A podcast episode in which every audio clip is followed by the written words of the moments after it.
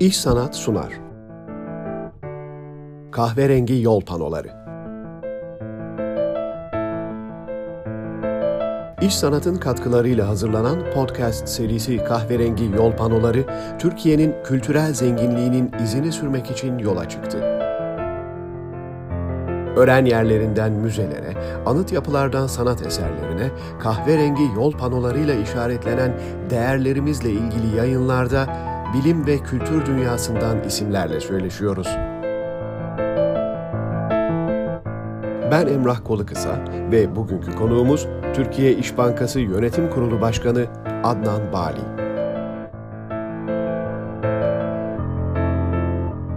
Kahverengi yol panoları başlıyor.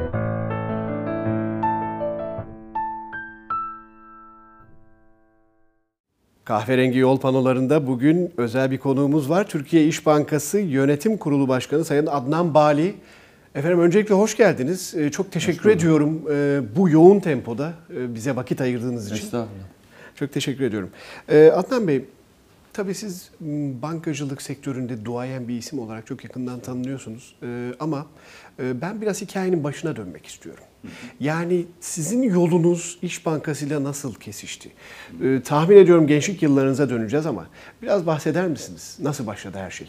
Tabii ki e, önce e, kötü bir tesadüf maalesef çocukluk yıllarımı anlatırken yaşadığımız deprem felaketine dönmek durumunda kalacağız. Çünkü ben Gaziantep İslahiyeliyim ve biliyorsunuz maalesef İslahiye bu depremde çok fazla hasar gören e, yerlerden birisi oldu. Aşağı yukarı üçte ikisi falan yıkıldı. Kalan binaların önemli bir bölümü kullanılamaz halde. Çok ciddi kayıplar var. En önemlisi can kayıpları tabii. Ve tabii benim için şöyle bir şey var. Çocukluğumun, gençliğimin geçtiği bütün anılarım da bununla beraber yok oldu. O çok üzücü bir şey. Aslına bakılırsa konu bu değil ama girmişken söyleyeyim. Aslında çocukluğumun, gençliğimin geçtiği İslahiye'yi depremden önce de kaybetmeye başlamıştık. O bugün depremin, depremin hasarlarının fazla olmasına neden olan yapılaşmalar bizim o çocukluk yıllarımızdaki, anılarımızdaki İslahiye'yi elimizden almıştı zaten büyük ölçüde. Maalesef bu defada can kayıplarıyla kalan da gitmiş oldu. Üzgünüm. Ee, kayıplar için tabii ki Allah'tan rahmet diliyorum. İnşallah sabırla uğraşarak kısa süre içerisinde çözeriz. İnşallah. İslahiye'de geçti çocukluğum. Ee, biraz İş Bankası ile kesişmeden önce ona gireyim. Lütfen. Tipik bir Güneydoğu kasabasıydı benim çocukluk yıllarımda İslahiye 70'li yıllar. Elektriğin olmadığı dönemleri de e, bilirim. E, bütün okulları, e, üniversite öncesi okulları İslahiye'de bitirdim. E, çok toplumsal yelpazenin geniş olduğu bir ortamda büyüdüm, e, yetiştim. Öyle çok steril, öyle fanus içerisinde falan yetişmedik. Yani ifade eğer doğruysa sokakta büyüdük demek neyse, mahallede büyüdük demek neyse. Doğru. Bir dönem öyleydi. Aynen. Mahalle kültürü, çocuk kültürü, oyun oynar gece geç saatlere kadar öyle ancak annelerimizin, babalarımızın ikazıyla içeriye zar zor sokuluruz. Ee, sürekli bir e, şey kirlenme hali vardır. Ee, çamur, toz, toprak, şu bu. O zamanlar banyo günleri var, pazar günü. Bütün bir haftalığına temizlenirsiniz. O analar uğraşır onunla filan. Velhasılı çok farklıydı. Bahçeli bir evimiz vardı. Ee, ve e, yani kedi, köpek, e, bir ara ineğimiz oluncaya kadar arı kovanlarımız şu bu. Yani bugün geriye dönüp baktığımda ne kadar büyük bir kıymet ve büyük bir servetin karşılığı olan bir hayatmış. O zaman bize çok normal, sıradan, e, ortalama ailelerin, mütevazı ailelerin imkanları buydu zaten gibi geliyordu. Şimdi getirin de bunu oluşturun kent yaşamında, şurada burada. Hiç şansı yok. Ama çok doğal, tabii, çevreyle iç içe, insanlarla iç içe. Bir de küçük yerlerde yetişmenin şöyle bir değişik güzelliği var. Bugün kentlerde apartmandaki yan komşunuzu bile tanımazken, onun bile sürekliliği yok iken küçük yerlerde birlikte yaşlanılır.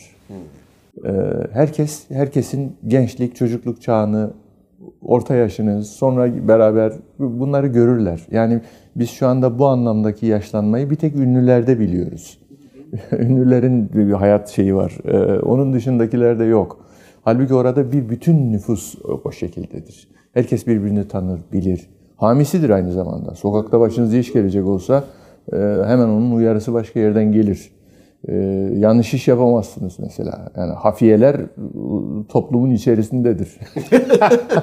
E, Büyüğüyle, Herkes küçüğüyle. birbirine sahip çıkıyor aslında. Sahip çıkıyor aslında. O ben bunların çok sonra avantajlı bir şey olduğunu anladım. İş hayatına girip İş Bankası gibi bir kurumda çalışmaya başlayınca bunların ne kadar kıymetli şeyler olduğunu anladım. Çünkü sosyal ilişkilerden tutunuz karşılıklı güvenilirlik, e, samimiyet, tabiilik bunları e, size bir eğitim ortamı gibi farkında olmadan sunan bir zemin bu aslında.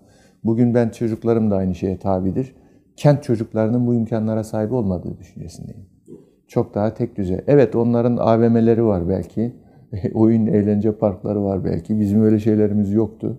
Ama yerine de kendi becerilerimizi geliştirecek. Şimdi geçmişe güzelleme yapmak, nostalji falan derdinde değilim. Ama bugün bir oyun görüyorum çocuklarımın şeyinde. Mükemmel ötesi bir çözünürlükte bir savaş oyunu mesela. Şimdi bu oyun olmaktan çıkıyor bu. Bunun, çünkü resimle fotoğraf arasındaki fark gibi.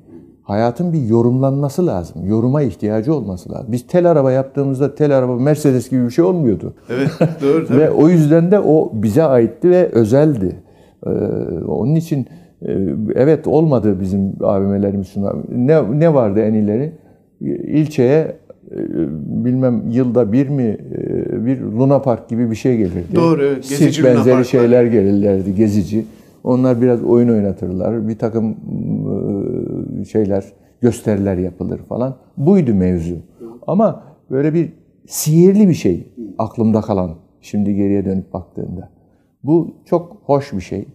Bir kere araba içi zamanlar bu kadar çok değildi. Araba yok ortalıkta zaten. Yürüyorsunuz. Yürümek dünyanın en güzel şeyi. Sabahleyin erkenden kalkıyorsunuz. Kardeşiniz, arkadaşlarınız. Okuduğunuz sınıf arkadaşlarınız özel farklı bir grup değil. Mahalle arkadaşlarınız aynı zamanda. Yani hayatın okul içi, okul dışı ayrımları da yok. Ee, Her şey son derece şeyinde geçiyor. Kendi tabii akışında geçiyor. Velhasıl işte dediğim gibi çok çok e, güzel bir e, dönemdi benim için. Ve sonraki hayata, e, kişilik gelişimine. e, Tabii bunun bir başka boyutu daha var. Zorluklarla boğuşmayı öğretiyor size böyle hayat. Ve çözümler yaratmayı öğretiyor. Çok mütevazı bir eğitim alıyorsunuz. Onu giderebilmeniz lazım. O neyle olur? Şahsi çaba lazım. Bugün benim çocuklarım için de geçerlidir bu. Daha iyi eğitim imkanları verdiğimizde çocukların bu güdüsünü yetiştirip yetiştiremediğimizi, geliştirip geliştiremediğimizi bilmiyorum. E, Çünkü onlar hem görsel hem e, yazı anlamındaki çok ileri tekniklerle e, bütün çıktıları elde edebilir halde oluyorlar. Halbuki biz süreç odaklı yetiştik. Biz biz biz sonuca, bir çıktıya ulaşmak için bir şey yapmayı öğrenerek e, geldik. Hazır gelmedi hiçbir şey. Hazır gelmedi hiçbir şey. Şimdi ben şöyle de şimdi bu yaşlanma belirtisi derim. Yeni yeni jenerasyona eleştiri getirmeyi e, ve geçmişe fazla güzelleme yapmayı onu da mazur görsün e, insanlar. E, bu jenerasyonu biz fazla güzelliyoruz biraz. Bu X'ler, Y'ler, Z'ler hikayeleriyle. E, işin kötü tarafı onlar da inanmaya başladılar. Aslında bizim yapmaya çalıştığımız, yaptığımız şu. Kendi hayatımızda idealize ettiğimiz ama realize edemediğimiz her şeyin onlarda olduğunu varsayıyoruz. Bunun kötü tarafı şu. Onlar da buna inanıyorlar. O zaman da altyapısı çok sağlam olmayan bir özgüven riskiyle karşı karşıyayız. Çok doğru evet. Bu iyi bir şey değil. Hiç. Ee, bir yere çarpıp dururlar diye korktuğum için öyle söylüyorum. Yani yarın iş hayatında, yarın şurada, yarın burada. Ee, bir dostumla yaptığımız özetleme şöyleydi. Ee, her şeyi istiyorlar. Hemen istiyorlar ve zahmetsiz istiyorlar. Bizim jenerasyonumuz her şeyi isteyemeyeceğini bilirdi. Haddini bilirdi bir kere. Her şeyi istese bile onun gerçekçi bir şey olmadığını gayet net farkındaydı kendi hayatında. Tabii. Hemen olmayacağını yüzde yüz bilirdi. Hiçbir şeyimiz hemen değildir bizim. Değil. Doğru. Hep ananın babanın ertelemesi, şu gün şöyle, bugün böyle, ancak bu zaman falan falan. Beklersin. Ömrün boyunca beklersin. Hemen diye bir şey yok. Ee, üç, zahmetsiz. Bizim zahmetsiz elde ettiğimiz hiçbir şey yok. Şimdi devralan çocuklarda bu sadece doğmuş olmak nedeniyle bütün bunların doğal hak olduğunu düşünen bir rahatlık ve şey var. E, Bu güzel bir şey. Yani psikoloji olarak aslında güzel bir şey. Ben hayatın sıkıntılı gerçekleriyle e, yüzleşmek zorunda kalmazlarsa bunun onlar için hiç fena bir şey olmadığını düşünüyorum. evet. Ama ama öyle olur mu olmaz mı ondan emin değilim. Öyle baktığımda şunu görüyorum. E, Biraz bu naifliğin ve bu her şeyin zaten yolunda gideceğinin e, nefes almamız ne kadar doğal bir haksa otomobilimizin olması, iyi bir okulda okuyor olmamız da o kadar doğal haktır kabulünün biraz sorgu ko- konusu olması gerektiğini düşünüyorum. Kolay değil. Değil, bir de bir, bir tatminsizlik de yaratıyor bu. E, tabii. Her şey o kadar çabuk hazır, o kadar hızlı geliyor falan. O, onun da Acele olmalı ve çabuk tüketim bunun sonucu. Ve her bir tükettiğinizin de özel bir değeri yok. Ben tel araba derken gözümün önüne bir şey geliyor şu anda. Onların gözünün önüne ne geliyor bilmiyorum. O kadar mükemmel oyuncakların hiçbirisi ha- hafızada kalacak kadar şey değil. Arızalı olması lazım bir şeyin bir insanda çok özel e, farklılıklar yaratacak şekilde. Kendinin katkısı olması lazım, el becerisi olması lazım. Şu bu. Yani gerek toplumsal anlamda gerek fiili fiziki anlamda zorluklarla başa çıkma kültürü veya anlayışı, sabrı, tahammülü veren bir ortamdır bu. Ee, Bunu bunu ailelerimizde şahsen olabildiği kadar yaşatmaya çalıştık ama olabildiği kadar. Böyle bir ortamda yetiştim. Ondan sonra ODTÜ'ye girdim. ODTÜ'ye girişim, üniversite sınavını kazanımım da ayrı bir hadisedir. Çok bilinçli bir, Allah rahmet eylesin annem vardı. Okuyan bir kadındı. E, İşte bir tipik Güneydoğu kasabası diyorum size. E, Elektrik olmayan dönemlerde e, şeyde duvarda asılı gaz lambasının Gaz ışığında altını çizerek Kemal Tahir'in devlet anasını okuduğunu hatırlıyorum. Şimdi var mıdır bilmiyorum böyle bir şey. Çok nadir tabii. Tabii, tabii. Bize çok ciddi bir o okuma kültürü şey yaptı. Çok güzel bir şey olarak da İslahiye'de bir cezaevini onun adına kütüphaneye dönüştürdük. Aa ne güzel. Evet, çok güzel hizmet veriyor. Deprem sırasında da çok çok çok müsterih olduğum işlerden birisidir. Bir şey olmadı bu binaya. Aa, ne güzel. 50'li yıllarda taş ustaları tarafından yapılmış. O çatır çatır durdu. 3-5 yıllık apartmanlarda çöktü. O da bir ders aslında ayrıca. Ee, bir koğuşunu olduğu gibi koruduğumuz, diğer yerlerini kütüphane şeklinde elektronik ortamda e, başka kütüphanelere erişim imkanı verebilecek e, çok hoş bir şey oldu. Deprem sırasında da aşevi gibi hizmet vermişti. O da çok güzel. Ee, şuraya şuradan dolayı buraya girdim. Ee, iyi bir öğrenciydim ben okul yıllarımda. İslahi Lisesi'nin de iyi öğrencilerindendim ama derslerin çok boş geçtiği işte o anarşi yılları denilen yıllar. Biz o sırada e, çok hazırlık yapabilme anlamında falan çok imkanlara sahip değildik. Büyük dershane vardı o zamanlar. Arı dershanesi vardı. Onların gazete ilanlarına, reklamlarına baktığımda bir seti alıp çalışıp kazanırım şeyindeydim. İşte bakın böyle düşünebiliyordum mesela. Olmaya da bilir ama düşünebiliyordum. Ee, ve anneme gidip söyledim. Küçük devlet memuru kadıncağız. Maaşının çok üzerinde bir rakamla o koliyi aldırdı bize. Ge- aldı. Geldik, açtık onu. Evimizin bir dış odası var. Dış oda dememizin nedeni onun ayrı kapısı var. Ee, içeriden girilen bir şey değil. Bağımsızca bir şey yani. Orada bir tane teneke soba. Üzerinde sürekli çay kaynar cızırdama sesleriyle birlikte. Biz de orada o kitapları çalışacağız. Olmadı. Baktım öyle kazın ayağı öyle değilmiş. Fizik, kimya, matematik öyle tek başına da kolay değil. e, değilmiş yani. E, Olmayınca moralim bozuldu. Sonra da bir işte bunları çok özel olarak anlatmak istememin nedeni o. Bir usa vurum süreci oldu bende. E, Niye olmuyor? Yani ba- başka insanlar yapabilirken sen yapamıyorsan sana özgü bir problem vardır. Sana özgü problem ne? Şunu keşfettim. Dedim ki çok büyük bir olasılıkla iyi bir öğrenci olmana rağmen evvelki bilgilerin eksiktir senin. Yani bir prerequizitlerde bir e, problem var. Dön o zaman oraları tamamla. Yani merdivenin evvelki basamaklarında eksik gedik yerler var. En alt yapıda bir şey. Evet. Evet. Bunun üzerine şöyle bir şey akıl ettim. Dedim ki ben üniversite mezunu, üniversiteye girmek için lise mezunuymuş gibi hareket edeceğime, sanki ben ortaokul mezunuymuşum ve fen liselerine hazırlık yapıyormuşum. O zamanlar devlet parası yatılı liseler var. Onların sınavına hazırlık yapıyormuşum gibi adeta vitesi bir tur geriye alıp ikinci seti sipariş edelim dedim. Bir alt set. Annem ona da evet dedi. Ee, aldık getirdik. Onu çalışabilir oldum.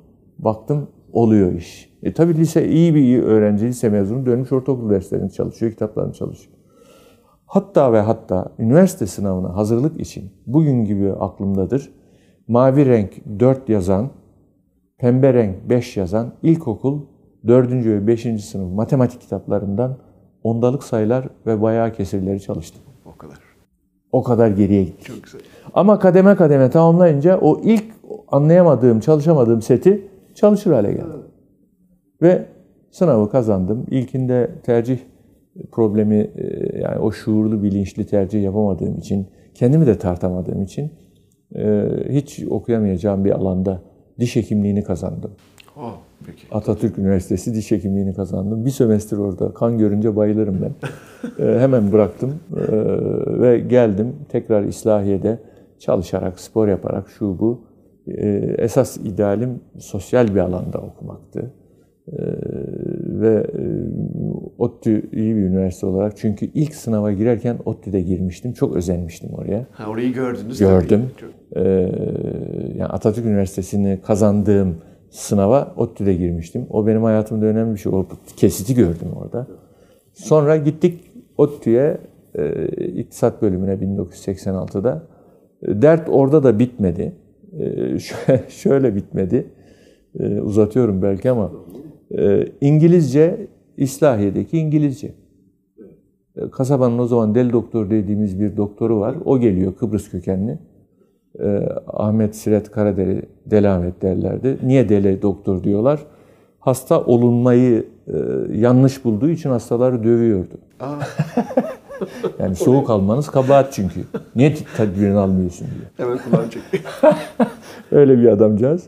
Ondan sonra o geliyor. A, B, C, D, F, G, H, I, J, K diye bağıra çağıra alfabeyi yüksek sesle okuyoruz. Ya da e, orada askerlik yapan yüzbaşı geliyor. Böyle yani e, işte Miss and Mr. Brown went to the seaside e, gibi şeyler var. İşte onlardan gidiyoruz. Neyse e, ama hazırlık okuyunca ODTÜ'de öğrenimi görürüz diye varsayıyoruz. Ben hazırlığı geçtikten sonra bu şey yaptı. Bölüme geldiğimde bunun tam böyle olmadığını anladım. Yani matematik gibi pozitif bilimlerde dil dezavantajı çözülüyordu. Ama e, örneğin sosyoloji.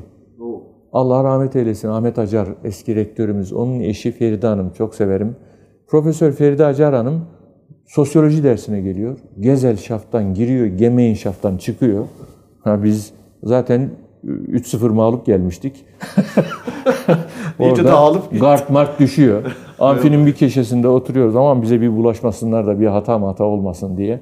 O vaziyette duruma şey yapıyoruz. Ne olacak ne olacak? Evde oturuyorum. Lipsensteiner'in Econ 101 Introduction to Economics dersi var. Kitap ya 4-5 chapter çalışıyorsun günlerce. Sonra gidiyorsun 5-10 dakikada derste geçiyorlar orayı. Ya sizin haberiniz var mı ben ona ne kadar uğraşmışım? kadar. Bir- bir yavaş ya. e, Tabii. Vokabüleri mi çalışıyorsun, İngilizce mi çalışıyorsun, ekonomi mi çalışıyorsun? Gene geriden gelen şey var dikkat ederseniz. doğru, doğru. Ve ben üzüldüm.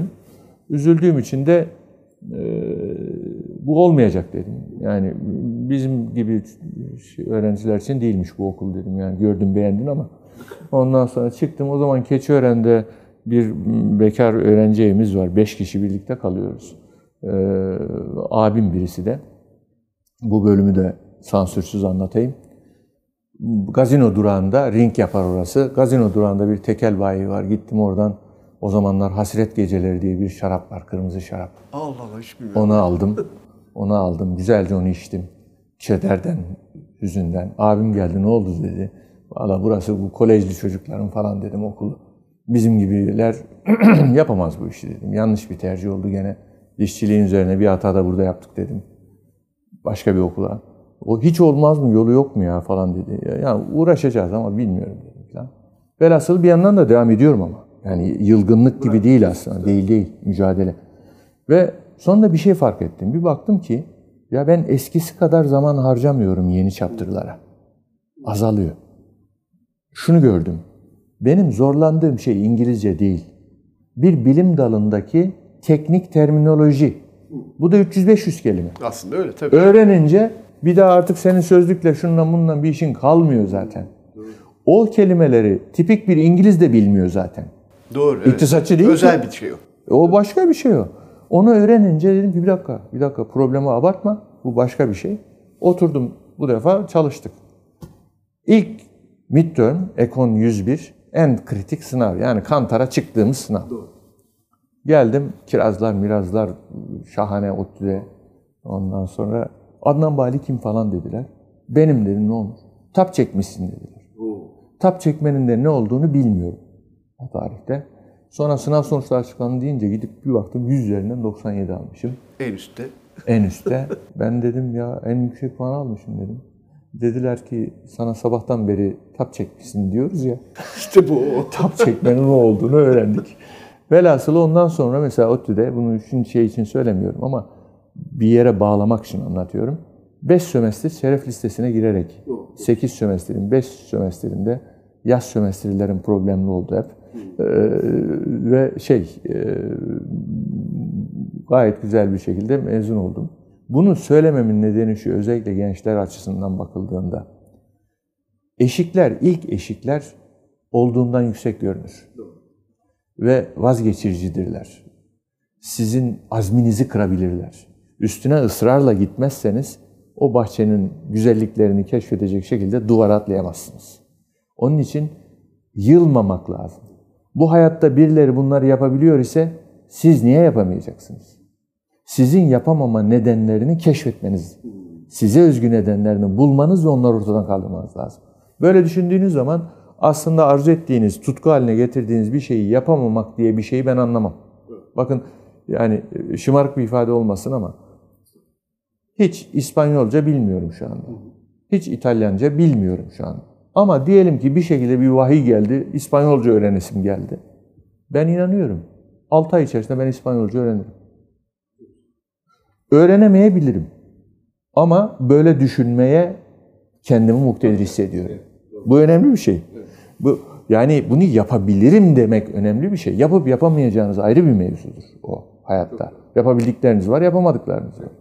Velhasılı bu ortam, bu şey bize o eşiklerle mücadele etmeyi, e, bilmediğiniz bir konuda bildiklerinizle çözüm yaratmayı, En önemlisi. e, bu- bunları getirdi ve bu şekilde mezun olduktan sonra tam çok uzattığım için özür e, şeye geldik.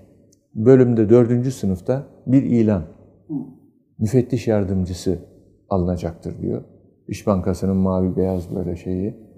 Askerlik aranmıyor. Bizim Aranmıyor, için evet aranmıyor. O zamanlar önemli kıstaslardan bir tanesi askerliğimizi yapmamışız. İki ücret yazmışlar. Bizde pek geleneksel olarak da yoktur bu ama yazılmaz. Ücreti yazmışlar, ortalama ücreti. Ciddi bir ücret. Ondan sonra ve prestijli bir görev. Biraz tutulduk tabii. Ben akademisyen olmak istiyordum. Hatta e, sınavı da kazanmıştım. E, şeye de başlamıştım, yüksek lisansa da başlamıştım. Sübide Dokan hocam vardı işte uluslararası ticaretle ilgili falan. E, ama e, araştırma görevlinin 3 katından aşağı yukarı daha yüksek bir ücret yazıyordu o ilanda. Şöyle bir pragmatik seçim yaptım. Ya tutkularını bir süreliğine ertele. Ailenin ihtiyaçları var, şu var, bu var. Hepimiz beş kardeş okumuşuz şu veya bu düzeyde. E bu, bu, bu giderleri, bu yükü bir hafiflet. Ondan sonra özgürleş. Ondan sonra da dön geri tekrar tutkularına. Öyle bir şey yok hayatta. Çıktıysan otoyoldan bir sapağa, yeniden döndüğün otoyol başka bir noktadan başka bir yer dönsen bile. E, öyle oldu. Onun için olmaz. o. Nitekim olmadı da ama olmadı da ne oldu? Türkiye'nin çok saygın, tarihiyle, kuruluşuyla, kurucusuyla, bizlere verdiği, aşıladığı terbiye ve iş ahlakıyla, e, Türkiye'nin çok değişik konjonktürlerinden geçerken prensiplerimizi, iç huzurumuzu koruyabilip, ehliyete, liyakata ve yarışmaya dayalı. Rekabet var ama vahşi değil. Böyle bir ortamın içerisine düştük. İyi ki ben habire, habire şunu söylerim. Ne yolumuzu kesiştirdiyse bu kurumla ona şükrederim. Ona duacıyım çünkü çok çok çok özel bir kurum. Usta çırak ilişkisiyle başlatıp bizi müthiş bir yere e, taşıdı. E, el yordamı gibi. Bir, biraz, biraz şöyle de bahsederim buradan ben. Torna atölyesi gibi. Hepimiz değişik şekillerle geliyoruz buraya. Tek tipçiliği kastetmiyorum ama yazma, konuşma, oturma, kalkma, bir yaşam üslubu kazandırma konusunda bir yeni eğitimden geçiyorsunuz. Ve o, o çok kıymetli bir şey. Mesleki birikim açısından da aldığımız eğitimlerin haddi hesabı yok. Ve geleneklerimiz, ritüellerimiz, kurallarımız her şeyle. Çok güçlü bir kurum kültürü Çok var. güçlü bir kurum kültürü var. 15 yıl çalıştınız, rozet takıyor, sizi başka bir şekilde anıyor. 20 yıl çalıştınız, içinde iş logosu olan saat veriyor. Hep taltif ediyor çok güzel. Evet, 25 yılda ayrı altın, 20 30 yılda madalya, 35 yılda güle güle. Dolayısıyla çok her şeyle yerli yerinde bir e, hadise var. Ve bu da o saat dediğinizde, şimdi saati genel müdür almıyor. Genel müdür yardımcıları almıyor. Memuru, güvenlik görevlisi. Kıstası ünvan ya da şu seviye bu seviye değil. Kıstası bu kuruma 20 yıl hizmet etmek. Kimsen, nasıl hizmet? Hepsi de birbirinden eftal o hizmetlerin. Onun için hep arkadaşlarıma şunu söylerim. Bu kuruma yaptığınız hizmetin ve değerin e, ölçüsü aldığınız son ünvan, ayrılırkenki son ünvanınız değil. Bütün o sürecin kendisidir. Onurlu, şerefli, arkada bir pürüz bırakmadan bu kuruma çalıştıysanız bu çok kıymetli bir şeydir. Bu burası Atatürk'ün kurduğu bir kurum. Ve e, Celal Bayar ilk kurucu genel müdür. Bu insanlar e, bir örnek oluşturmak için çok özel bir misyon yüklemişler bize. O ağırlığı hissedeceksiniz. Şimdi belki şeyine gireriz. İktisadi Bağımsızlık Müzesi. Bizim Gireceğiz, Ankara'daki. Evet. İktisadi Bağımsızlık Müzesi'nde Celal Bayar'ın odası var. Bir gün bile koltuğuna oturmadım. Önünde böyle sandalye var. Orada oturdum. Çünkü hadsizlik gibi geldi bana Celal Bey'in koltuğuna oturmak. Olmaz. Yani aynı şekilde Atatürk'ün ziyaret ettiğinde geldiği yerler falan. Yani kurum olarak da çok çok çok özel şeyleriyle bizi etkiledi. Onun için de iyi ki yolumuz kesişmiş diyorum. İyi ki, iyi ki. Ve 100. yılına da siz taşıyacaksınız aslında. Bu. İnşallah. O İnşallah hep beraber. Bütün ekip, bütün önemli bir- arkadaşlarımızla birlikte. Ee, aslında isterseniz bu e, müzeyle ilgili biraz konuşalım. Çünkü siz Olur. bir seferinde yanlış hatırlamıyorsam meslek hayatımın en önemli başarılarından biri diye bunu Doğru. e, açıklamıştınız bu müzenin açılışını. E, neydi size bunu söyleten? Şimdi şöyle, meslek hayatınızla ilgili birçok değerlendirmeyi sonradan yapabilirsiniz. Bizim bir sürü başarı kriterimiz var. Ee, Efendim şu kadar krediyi şuradan şuraya getirdik. Efendim gelirlerimizi şöyle arttırdık. Ee, gibi bir sürü e, sonuçları finansal olan şeyler koy. Bunlar küçümsediğim için değil. Çünkü zaten oralarda başarılı olmazsanız e, toplumda kalıcı değerler yaratma imkanını da bulamazsınız.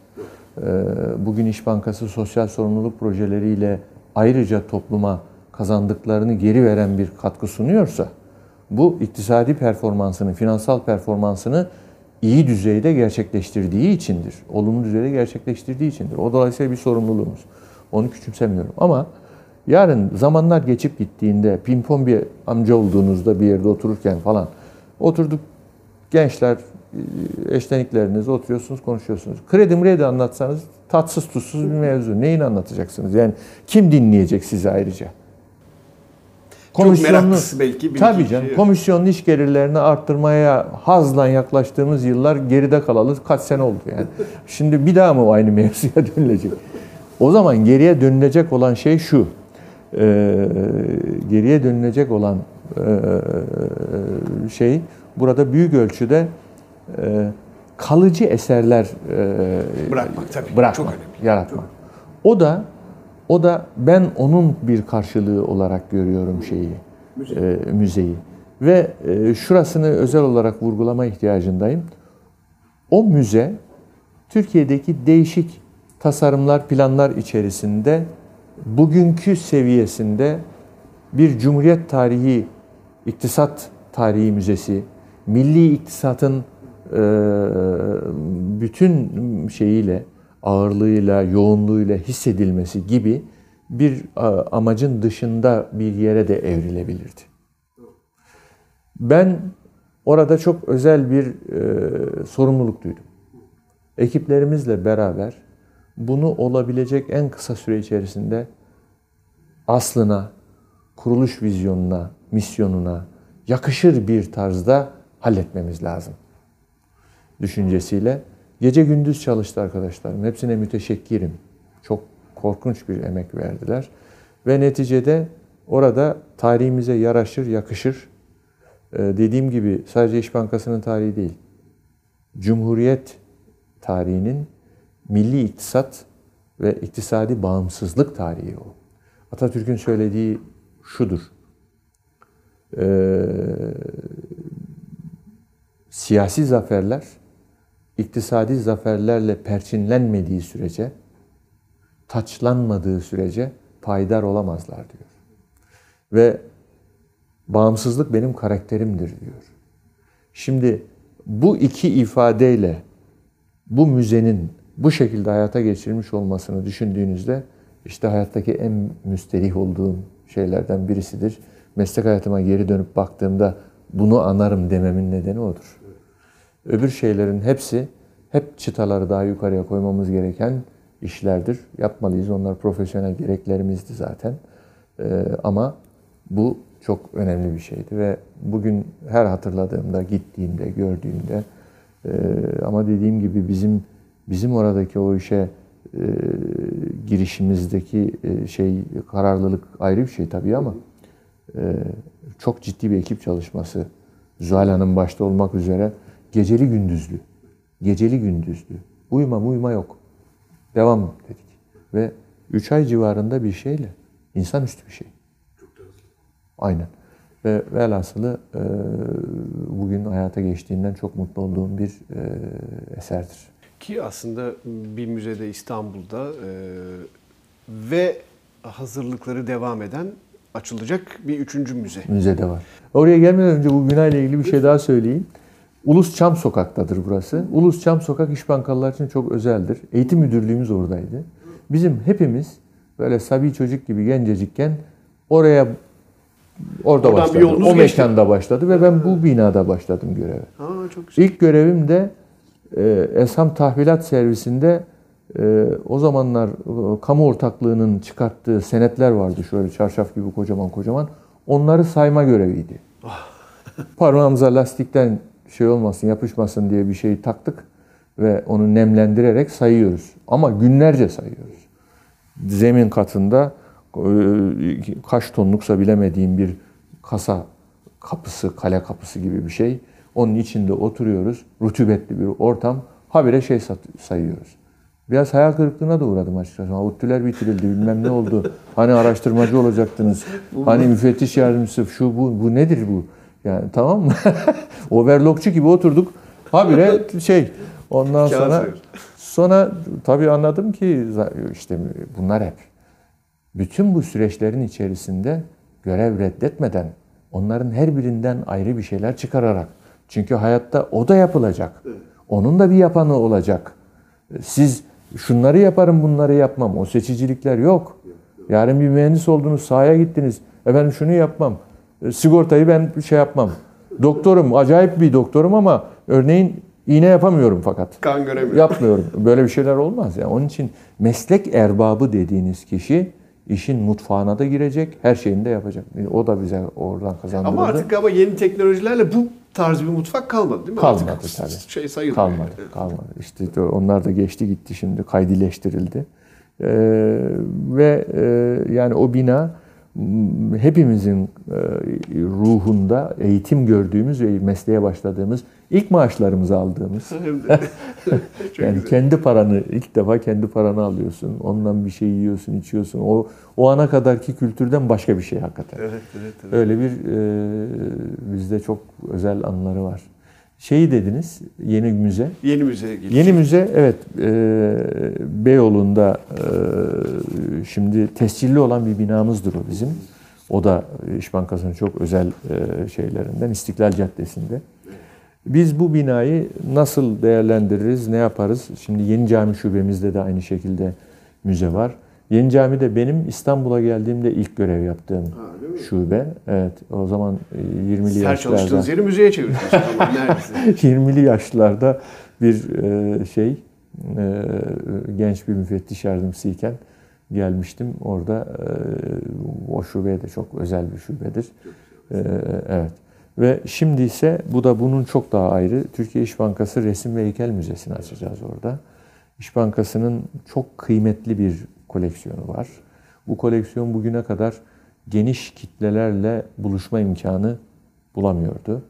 Ve e, muhafazasından tutun birçok bakımdan da e, çok daha iyi koşullara hak ettiğini bildiğimiz bir şekilde bu konuya eğildik. Gene arkadaşlarımızın büyük emekleri var. Ve onlar e, işte 950 sanatçıyı aşkın 2500'den fazla eser var elimizde. Bunlar işte e, Osman Hamdi Bey'den Şeker Ahmet Paşa'ya, İbrahim, En- en İbrahim e, Çallı'dan Hikmet Onat'a kadar çok geniş yelpazede ve bir paranteze alınabilir eserler de değil. Değil. Modern e, sanata özgü şeyler de var. İşte bu saydığım çok temel eserler de var. Bunların tamamını çok özel konseptler içerisinde bu Beyoğlu'ndaki müzemizde sergileyeceğiz. Çok güzel olacak. Profesör Gül Repoğlu hocamla birlikte çalışıyoruz. Ona da buradan çok çok teşekkürlerimi, sevgilerimi, saygılarımı sunmak istiyorum. Çünkü müthiş derecede içselleştirdiği bir işi e, yapıyor. O e, şöyle içselleştirmek ve tutku haline dönüştürmek şöyle bir şey. Aynı malzemelerle aynı yemeği yaparsınız ama aynı lezzette olmayabilir. Doğru, evet. Bütün mevzu o tutku ve içselleştirmedir. Gül hocamla da öyle yolumuz güzel kesişti ve orada çok güzel bir şey. Ben bu konuda kendileriyle de bir e, şey yapmanızı öneririm. Muhakkak, E, muhakkak onun bilgilerinden istifadeyi. Ama 100. yaşında e, Cumhuriyetimizin 29 Ekim'de böyle bir heykel ve resim e, müzesini Türkiye'ye, sanatseverlere, bütün geniş halk kitlelerine sunmanın çok güzel bir şey olacağını düşünüyorum. Bir taraftan da şunu düşünüyorum. Bunları bunları çok böyle elit ve üste konumlandıran bir yer olmaktan çıkartmamız lazım. Doğru. Bunun günlük insanın hayatında emin olunuz bunun alıcısı var. Olmaz mı? Bu ülkede bunun alıcısı var. E, Bütün mevzu o kanalları iyi kurup ona göre oluşturabilmekte. Bunları zor erişilir, kısıtlı bir kitlenin sadece anlayabileceği, arkeoloji de buna dahildir mesela. Doğru. Bunları yeni tekniklerle, yeni görsellerle, ilgi ve merak duygusu uyandıracak şekilde hepimiz hayatta bir yolculuk yapıyoruz. Bir sürü şey öğreniyoruz. Öğrenerek o öğrendiklerimizle yeni başka bir estetik konsepte geçebiliyoruz. İlk günden geçmiyorsunuz. Tabii. E Bunu niye bu halktan esirgeyeceğiz?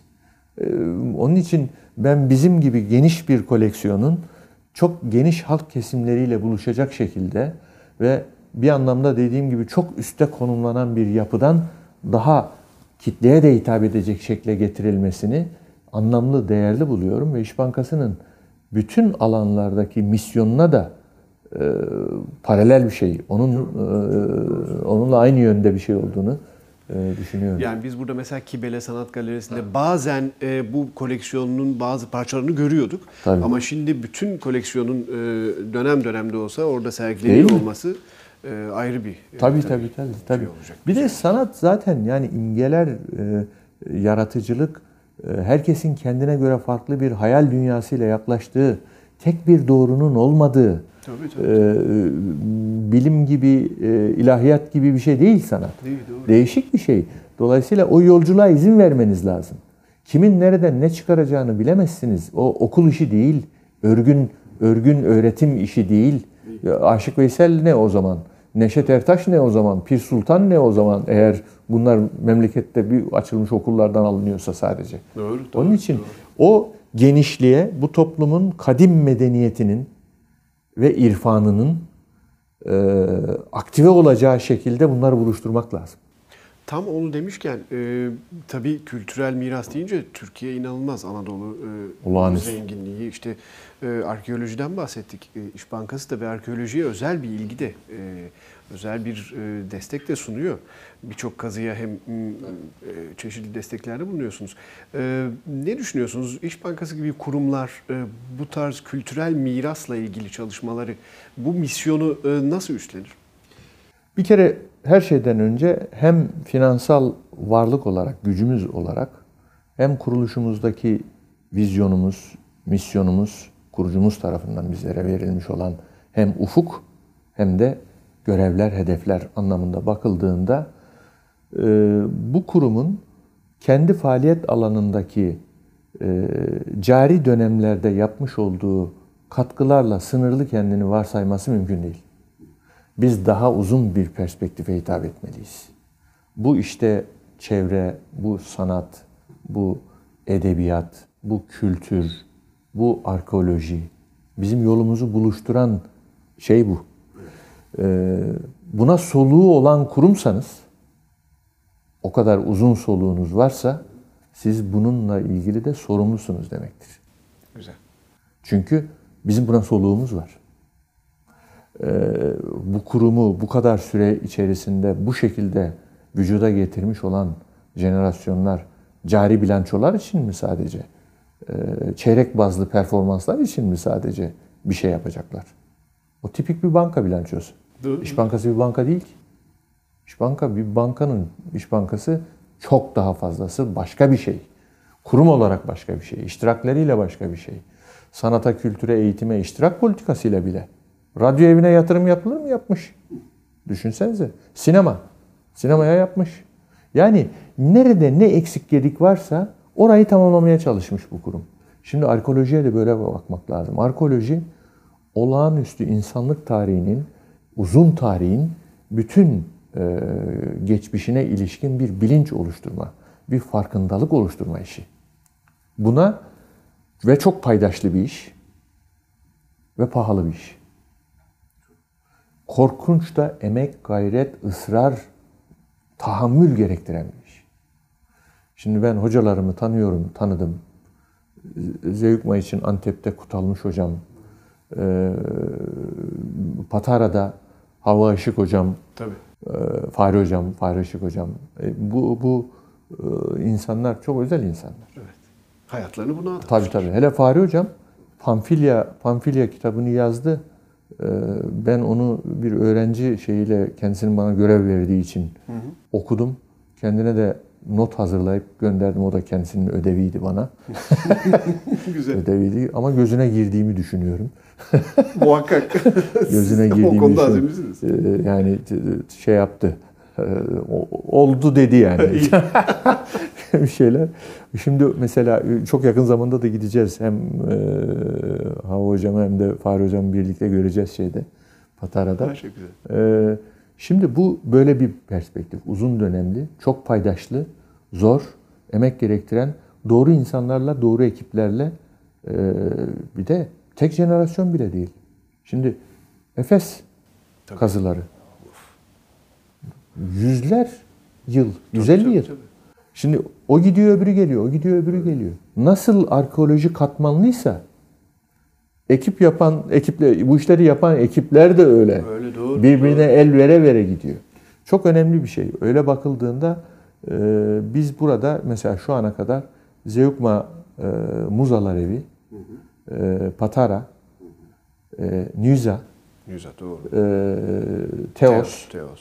Stratonikea, Kaman'da aynı şekilde Kalehöyük. Karahöyük tabii. Ee, o, o, orada o da çok e, özel esasen. Ee, ve önümüze çıkan ne kadar burada yapılabilecek işler varsa onları hep yapa yapa gidiyoruz. Bunlar çok çok kıymetli e, inisiyatifler. biz kendimiz de bir demin söylediğim gibi öğrenme sürecinden geçiyoruz. Yani bunların ilkini herkesin her şeye yettiği zamanın astronomundan e, astronomisinden tıbbına kadar filozof dönemi değil herhalde. E, Çağımız e, bilginin çok ciddi şekilde arttığı, çoğaldığı. Herkesin ilgi ve tutkusunun olduğu alanlarda ayrı bir efor sarf etmesi suretiyle ancak başka bir seviyeye gelebildiği bir çalışma biçimi bu. Biz de öğreniyoruz. Öğrendikçe heyecanlanıyoruz. Merak duygumuz bir daha artıyor. Ama burada kurumun buralarda çok önemli pozisyonlar alması gerektiğini biliyoruz. Mesela Patara benim için bu bakımdan çok özeldir.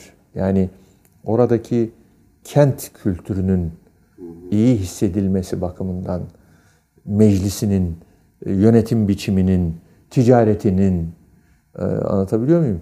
Çıkış kapısı şeklindeki o konumlanmanın e, çok çok çok e, kıymeti olduğunu düşünüyorum. Bir de Straton Ikea'dan çok etkilenmişimdir. Şöyle ki, şimdi biliyorsunuz katmanlı ifadesini özellikle kullandım. Katmanlı çok farklı dönemlerin üzerine gele gele Doğru. devam ediyor. Ama Straton Ikea'nın özelliği şurada. Aynı yer sürekli yerleşim merkezi olmaya devam etmiş. Hmm. Öyle olunca da bunun içerisinde geriye doğru gidersem Cumhuriyet var.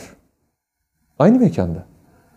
Ee, Osmanlı var. Osmanlı tabii. Selçuklu var. Daha geriye doğru gidiyorsunuz. Hatta orada bir yer var. İki taşa basıyorsunuz. Taşın birisi milattan önce bilmem ne 300 mü neydi? Ee, bir tanesi ondan 200-300 yıl sonra. Ve yan yana duruyorlar. Yan yana duruyorlar. Bu birçok yerde siz bir katmanı, bir evreyi görebiliyorsunuz. Ancak evet doğru. Bunun özelliği o bu, bu bakımdan ve iki ayrı yer e, de aralarında da mesafeler var ve çok çok çok özel bir e, yer hakikaten. Biz bunların insanlığa e, kalıcı bir şekilde kazandırılmasını gördükçe ondan haz almayı öğrendik. Ne güzel. Ve İş Bankası bu konularda şimdiye kadarki taahhüdünü, e, taahhütkarlığını daha doğrusu e, koruyacak arkadaşlarımdan beraber. Çok güzel. Tabii ki kurumun bütün bu destekleri arkeoloji alanında hele Türkiye gibi bir e, arkeoloji cenneti diyelim e, bitecek gibi değil. E, devam edeceğini tabii ki umuyorum. Adnan Bey aslında sizin çocukluğunuzla başladık. Evet. Çok kişisel bir noktada başladık ama başka bir kişisel bir noktayla bitirelim istiyorum. Sizin ofisinize gelince özellikle bu dolma kalem koleksiyonunuz o kadar hoşuma gitti ve ilgimi çekti ki. Şurada yüze yakın kalem var. Nasıl başladı bu tutku? İsterseniz biraz ondan bahsedin. Ben ortaokul yıllarımda ilk defa başladı. Bir şekilde dolma kalemi sevdim. Yani dolma kalemdeki nasıl söyleyeyim tek düzelliğin dışında o olan bir şey olması. Şimdi hayatta iki aks birbiriyle savaşıyor e, aslında. E, bir tarafta bir tarafta kolaylık, ergonomi. Bu çok ince bir çizgiyle basitliğe de evrilebiliyor. Hmm. Anlatabiliyor muyum? O, o zaman insanlar o kolaylığa çok fazla ihtiyaç duydukları durumda o basit çözümlere daha fazla meylediyorlar. Bir de öbür aks var. Öbür aks biraz çetrefilli, biraz kompleks, zorlukları var. Ama korkunç hazlar veren başka girift diyebileceğim şeyleri var. Dolma kalem öyle bir şey. Tükenmez kalem ilki. Evet doğru. O ee, yerleri yerleri ayrı. Yerleri ayrı. Ee, yani tükenmez kalem hızlı tüketimin karşılığı olabilecek. Çabuk, pratik bir şekilde bir şey yapmayı düşündüğünüzde o. Ama derinlik anlamında baktığınız zaman, özgül ağırlık anlamında baktığınız zaman e, bilmiyorum ama olmaz. Olmaz. Mesela kurşun kalem kadar bile e, şeyi olamaz bence. E, karşılığı olamaz. Doğru kurşun kalem de çok özel. Kurşun kalem de özeldir. Yani onu açması, onun kokusu anlatabiliyor muyum? Doğru düz açmazsanız çat diye gidiyor. Kırılır, doğru. Onlar çok güzel bir şey. Mesela onun yerine o 07 08 uçlular var ya. Evet. Mesela o komplekse getiriyor belki ama kurşun kalemin doğallığındaki şeyi kaybediyorsunuz bu defada. Onun için ben dolma kalemi bu anlamda biraz sanatsal buldum galiba ki. bilemiyorum yani hitap eden bir şey, değerli bir şey, sizde olması özel bir şey bu anlamda ve e, o kadar eski yıllardan birikmiş kalemim yok. E, daha sonra e, bu ilgim ilgim hep vardı ama daha sonra bunlar e, bir araya getirildi. Epey kalemim oldu. Epey e, kıymetli e, olduğunu düşündüğüm e, kurumumuz için, kendim için imza attığım işlerin kalemleri oldu. Onlar ayrı bir anı ve hatıra Anıları ayrı tabii, sağladığı tabii. için ona göre şey yapıldı. Yola çıkarken öyle olup olmayacağını bilmiyordum ama şimdiki kurlarla bakıldığında ayrıca da çok önemli bir servet, haline Servet, gelmiş tabii, yani. Tabii tabii. yani derdim o değildi de e, ama bayağı bir şey. Ya bugün yapmaya kalkmak e, mümkün değil Kolay benim değil, açımdan. Kolay değil. E, ama e, haz veren bir şeydir. İçinden bir tanesini seçip o hafta onu e, kullanmak e, veya o ay onu kullanmak, e, bakmak onlara böyle e, şey yani bakmak derken muhafaza etmek, itina göstermek, e, sürdürmek yani o anlamda bakmak. Tarlaya bakmak gibi bakmak. Ondan sonra ve o o yönüyle bakıldığında e, Ki bazılarında güzel. mesela Fenerbahçe vurgusu görüyorum. E, o da ayrı bir tutku sizin maalesef için değil mi? maalesef yani bugünlerde hele özellikle e, beklentilerimizin karşılanmadığı günler yaşamaya devam ediyoruz ama takım da böyle bir şeydir. Kader gibi işte ne yapalım? E, Bizim takımımızda bu. Seviyoruz takımımızı. Çilesini de seviyoruz. Alıştık da Tabii. zaten. Taraftarlık böyle bir şey. Alıştık da zaten. Yapacak bir şey yok. Öbürleri de bizim takımımız ama ve burada da böyle bir çocukluktan gelme bir şeyimiz var. Ee, Fenerbahçe kalemlerim de var orada iki tane evet. Onlar da güzeldir. Gü- Gümüşi e, Evet, şeyli. çok güzel gerçekten. Evet. Adnan Bey çok teşekkür ediyorum. Çok güzel bir sohbet oldu kahverengi yol panolarında. Bizi e, ağırladığınız için bu güzel ortamda çok teşekkür ederim. Ben teşekkür ediyorum size. Ee, çok sıcak, samimi, e, rahat sorularınızla benim geçmişte e, yaşadığım, e, döndüğüm birçok e, noktalarda rahat, huzurlu, samimi açıklamalar yapmama imkan verdiniz. Çok sağ olun efendim. Teşekkür ederim. Kahverengi yol panolarında bugün Türkiye İş Bankası Yönetim Kurulu Başkanı Adnan Bali ile söyleştik. Vakit ayırıp dinlediğiniz için teşekkür ederiz.